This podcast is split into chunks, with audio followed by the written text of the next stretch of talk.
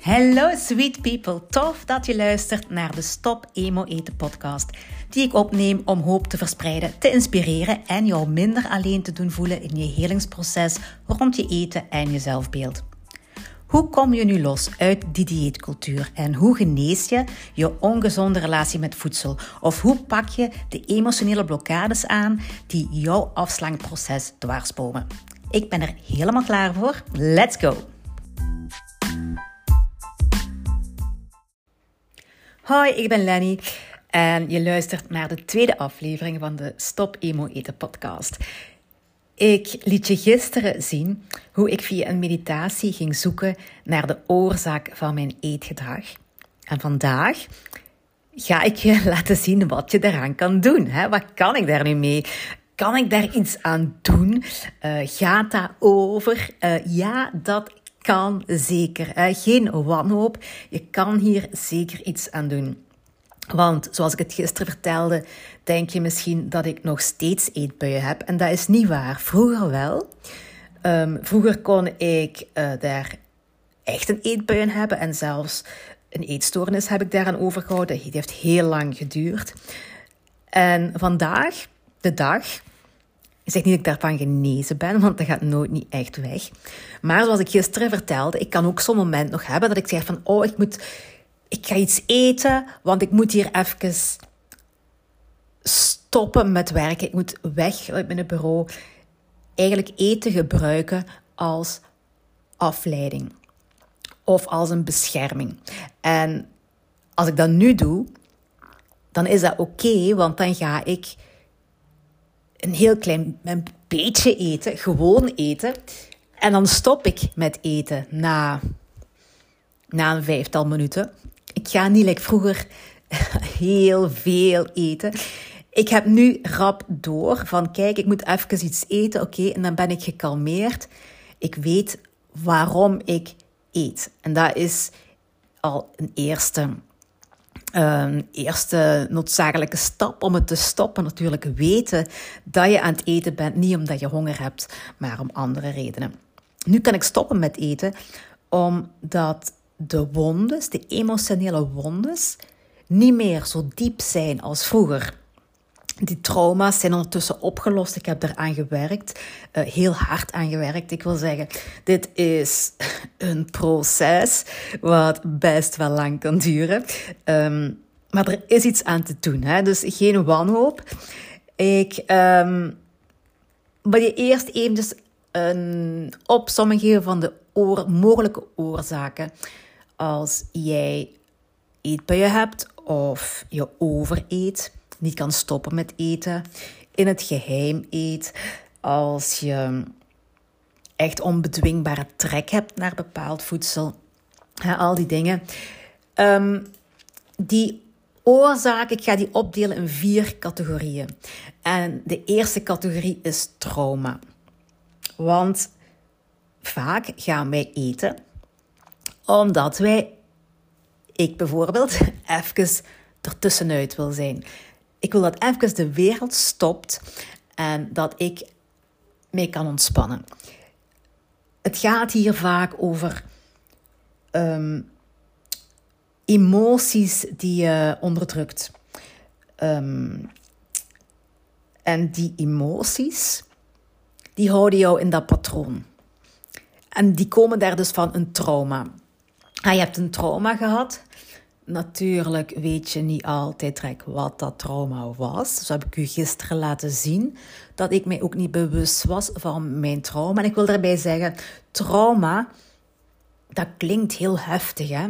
En dat klinkt alsof je, ik weet niet wat, moet meegemaakt hebben. Oh, want ik heb een trauma. Um, dus dat moet iets, iets geweldig, geweld, gewelddadig geweest zijn. Of um, ja, we hebben daar zo voorstellingen bij. En ook als je niet echt een trauma hebt meegemaakt, iets heel gewelddadigs of zo, kan je nog altijd een trauma hebben. Je kan ook een trauma hebben van gewoon getuige te zijn van iets tragisch. En zelfs um, je oma die sterft kan een trauma zijn, ook al is dat iets heel gewoon waar de meeste mensen in hun leven bij geconfronteerd worden. Dat maakt niet uit hoe dat andere mensen daarop reageren. Voor jou kan dat een trauma zijn. En er zijn natuurlijk, hè, er zijn natuurlijk heel traumatische dingen zoals seksueel misbruik, verwaarlozing, weet ik wat allemaal, moord, whatever. Um, maar ook heel gewone kleine dingen kunnen een trauma zijn. Dat betekent gewoon dat jij op dat moment dat er iets gebeurde, niet wist hoe je ermee om moest gaan. Dat jij niet de, de tools had om ermee om te gaan.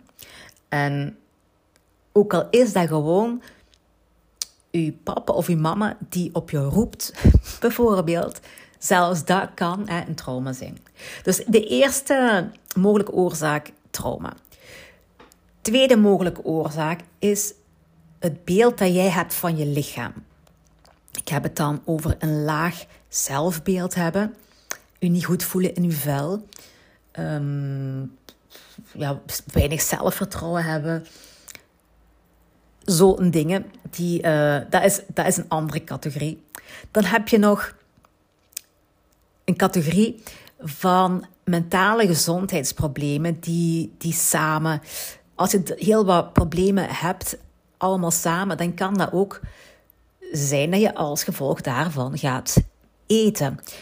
Een angststoornis, een fobie, een verslaving, een depressie. Eh, er zijn heel veel dingen. En als die allemaal bij elkaar komen, kan eten voor jou ook een afleiding daaruit zijn. Eventjes daaruit kunnen stappen, eventjes op de stopknop, stopknop kunnen drukken. En er is nog een vierde categorie en dat is genetica. Want het kan dus dat um, jij in je hersenen een lager dopaminegehalte hebt dan andere mensen.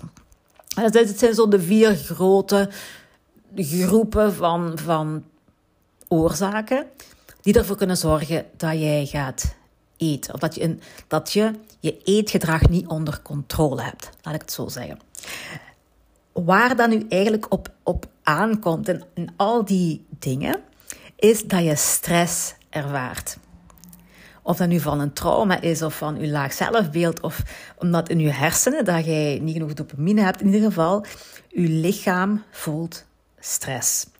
En ja, nu kan ik daar een heel moeilijke uitleg aan geven. Hè. Ik kan u gaan vertellen over het, um, het autonome zenuwstelsel en de sympathicus en de parasympathicus. En ja, dat wordt allemaal ingewikkeld. Um, je hebt in je zenuwstelsel twee tegenovergestelde die, die samenwerken. En laat ons dat eerder dan sympathicus zeggen. Um, een heel intens deel van uw zenuwstelsel, dat heel intens gaat. En aan de andere kant, parasympathicus, een relaxed deel. Ja, dus je hebt het intens en het relaxed deel.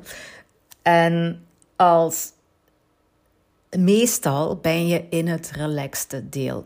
En dan werkt je lichaam goed. Maar als jij iets heel intens meemaakt, um, ja, weet ik wat, um, je remmen werken niet op je fiets. dat duurt maar een halve minuut. Uh, je krijgt dat gestopt, dat is oké. Ehm, dus in die halve minuut dat, dat dat niet lukt, gaat je intens zenuwstelsel in werking treden. En dat heeft een heel deel gevolgen voor jouw lichaam. Dan gaat bijvoorbeeld ook je spijsvertering um, niet meer goed werken, want je lichaam gaat al de energie in overleven steken. ik heb het dan over je spieren die harder gespannen zijn. Je kunt dan ook opeens veel meer. Um, je lever geeft dan suiker af, bijvoorbeeld. Allee, ja, in ieder geval, als dat niet te lang duurt, is dat geen probleem. Ga, denk aan een situatie in de oertijd. Er is een gevaarlijk beest in de buurt en je loopt daarvan weg. Hè. Of je, je hebt dan de flight, fight, de, de, de vlucht, vecht of bevriessituatie. Um, waar dat, dat ook niet zo heel lang duurt. En daarna kan je weer rusten en dan kom je terug in je ander systeem, in je relaxed systeem. Zolang het dat maar niet te lang duurt. Het probleem is als dat overwerkt, dat intens systeem, als dat overwerkt en het relax systeem komt er gewoon meer bij kijken. Dat krijgt gewoon geen kans meer. En dan gaat je lichaam ja, daar de gevolgen van dragen. Maar die onderdrukte stress heeft ook een impact op je gevoel van veiligheid. Uiteindelijk gaat het bijna altijd over veiligheid. Als je alles heel, heel diep, diep, diep gaat graven, dan kom je op het einde altijd uit aan veiligheid. Um, nu, wat ga je met dat eten doen? Je eetgedrag is een patroon. En dat gaat u beschermen tegen emotionele pijn. En dat is wat we doen. dat, is, is wat we doen als gevolg van die oorzaken. En we kennen dat allemaal. Een eetbui of zoiets. Ja, emotioneel eten. Gewoon, ja, gewoon iets dingen in je mond steken zonder dat je het weet. Uh, onbewust een hele zak chips leeg eten. Of uh, gewoon denken, ik ga een beetje eten en je kunt gewoon niet stoppen. En op een duur heb je, ik weet niet hoeveel gegeten. En dat was niet de bedoeling dan, maar het is toch gebeurd. Er zijn, er zijn heel veel verschillende manieren om hiermee om te gaan. En sommige mensen gaan daar om met eten. En andere mensen hebben weer iets anders. Um, je kunt een andere vlucht hebben dan eten. Hè? Maar als je hier naar luistert, dan heb jij waarschijnlijk in eten je vluchtmechanisme zitten. Nu, dat is geen. Dat is, dat is een probleem, maar dat is niet onoverkomelijk. Uh, je kan daar wel degelijk uit geraken. En dan ga ik het hebben over drie stappen die je moet nemen om uit die cyclus te geraken.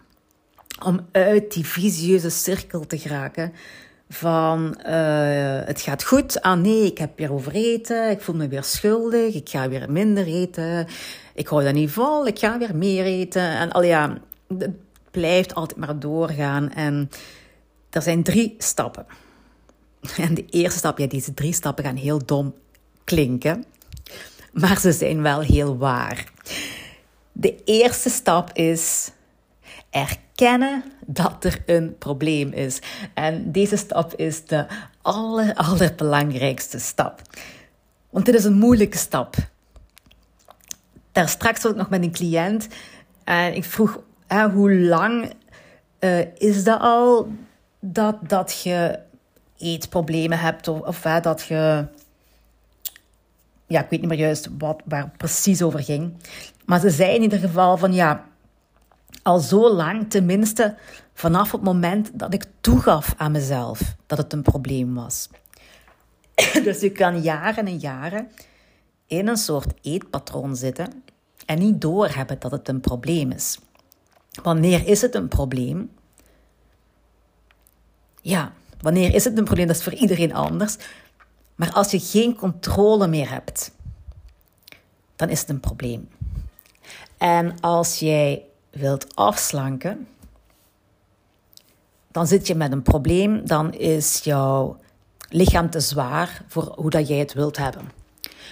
En als je lichaam te zwaar is, dan is daar een oorzaak aan. En het is dat erkennen van de oorzaak. Want ik geef hier, ik ben een afslankcoach. Ik werk jaren en jaren met mensen die willen afslanken. En dan komen ze hier van, ik wil afslanken. Nu is het genoeg geweest. Nu neem ik de beslissing, ik wil afslanken. En ze gaan een eetpatroon aanpassen en ze gaan meer sporten. En ja, ze vragen van, wat moet ik doen om af te slanken? En ze zijn heel enthousiast, vol goede moed. Maar dat blijft nooit niet duren. Uh, toch, toch bij 90% blijft dat niet duren. En die, die houden dat niet vol. Daar zit dan een probleem. Want als je dat jaar na jaar doet, Je beslist dat je wilt afslanken. Het lukt niet. En het jaar daarna beslis je weer dat je wilt afslanken en het lukt niet. Dan zit je met een probleem. Ja? Waarom lukt dat niet? Waarom kan je niet gewoon eten waar eten voor bedoeld is? Ik denk in heel onze maatschappij, als iedereen gewoon zou kunnen eten om honger weg te houden, dan zou niemand, um, of bijna niemand, ik zeg niet niemand, ik wil niet uh, te radicaal klinken, maar dan zouden heel veel mensen niet het probleem hebben met hun gewicht dat ze nu hebben. En uh, elk pondje gaat door het mondje. Dat is zo'n uitdrukking waar ik mee opgegroeid ben. En ik wil niet. Um, dat klinkt misschien iets te hard. er zijn altijd wel medische redenen hier en daar bij, bij sommige mensen. Maar voor een heel groot deel mensen is het wel zo. En als je overgewicht hebt, omwille dat je dingen eet waar je dik van wordt, of te zoveel eet dat je er dik van wordt, dan is het wel zo. Hè? Elk pondje is dan door het mondje gegaan. En als jij gewoon logisch en rationeel met eten kan omgaan, dan zou er geen probleem zijn. Dan zou je niet het overgewicht hebben dat je hebt. Of dan zou je niet zo slecht in je vel voelen als je dat voelt. Um, dus erkennen. Erken dat er een probleem is. En tegenwoordig, weet je, ik had vroeger een eetstoornis en ik praat nu over 1994, 1995, 1996. Dat is, dat heel lang geleden. En toen was er echt wel een groot taboe over. Terwijl nu tegenwoordig, ik sta er verstomd van, van hoeveel mensen um, ja, daar toch gewoon over kunnen praten. Van kijk, ik heb een eetbui gehad. Tegenwoordig is dat niet meer, hangt niet meer zo die lading op van vroeger. En uh, dat is heel goed, hè. Want dit is een probleem waar, waar iedereen kan hebben. En dat is niks om je over te schamen. Dat is iets, dat is iets wat, wat gegroeid is via trauma, via stress. En daar kunnen we iets aan doen. Dus het is geen. Zeg het gewoon tegen jezelf ook. Geef het gewoon toe als er een probleem is. Nu, oké, stap 1 is erkennen. Wat is stap 2 dan? Ook weer een heel logische stap, is dat je hulp gaat zoeken. En die hulp kan uit heel veel verschillende uh, dingen bestaan. Hè. Je kan naar een bepaald persoon gaan voor hulp. Je kan een bepaald, naar een bepaald boek grijpen. Je kan um, zelf leren ergens mee om te gaan op een bepaalde manier. Nu, omdat dat emotioneel eten een complexe materie is, um, raad ik je wel aan om hulp te zoeken en een soort plan te hebben van hoe je ermee om gaat gaan. Want stap 3 is uiteindelijk het werk dat je daar gaat insteken. Het innerlijk werk of het schaduwwerk. Het zoeken naar oorzaken in jezelf. En ja, dat is, dat is een proces. Dat kan een tijdje duren.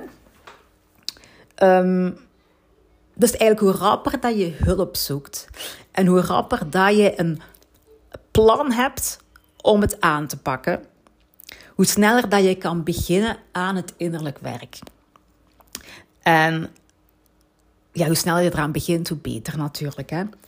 Want je wil niet je heel leven daarin zitten. Dat is eigenlijk waarom ik dit ook doe. Ik heb, ik heb zoveel jaren van mijn leven weggegooid en niet echt geleefd omdat ik zo obsessief bezig was met eten en met afslanken en met calorieën en met... Ja, er komt zoveel bekijken. Ik zeg, het is, het is een complex iets. Um, Maar pas toen ik daar vanaf ben geraakt, ben ik echt beginnen leven.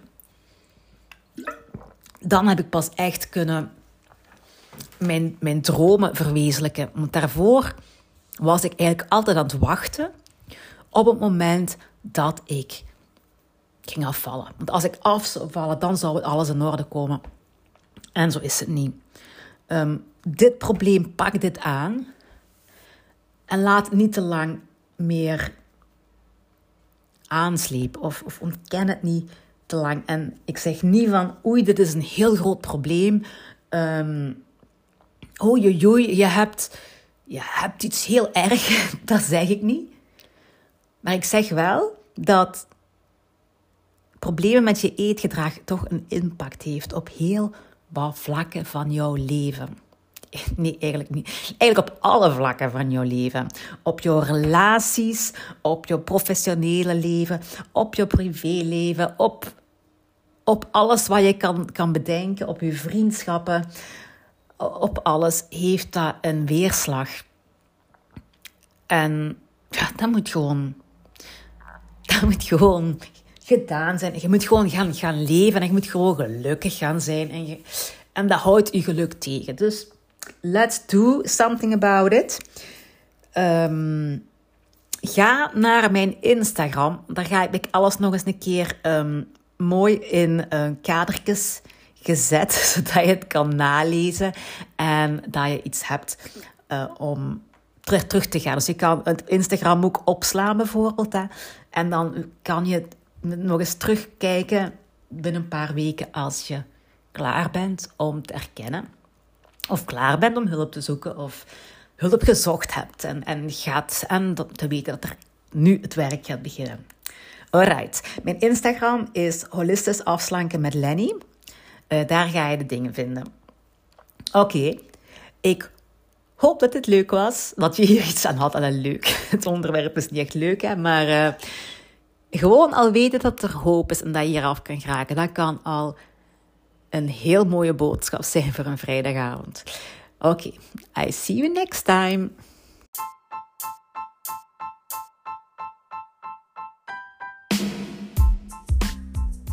Sweeties, dankjewel voor het luisteren. Vond je het interessant of ken je iemand die hier iets aan kan hebben? Dan kan je twee dingen doen. Maak een screenshot Tag me op Instagram en zo kan jij iets betekenen voor anderen. En ik vind het ook gewoon heel leuk om te weten wie er luistert. Één dingetje nog. Ik hou deze podcast gratis om zoveel mogelijk vrouwen te kunnen bereiken en te helpen. En jij kan dan ook nog één dingetje voor mij doen. En dat is naar iTunes gaan. Zoek de podcast en laat een korte review achter. Uh, want hoe meer reviews, hoe makkelijker de podcast te vinden is voor anderen. Alvast thank you, thank you, thank you. En tot de volgende.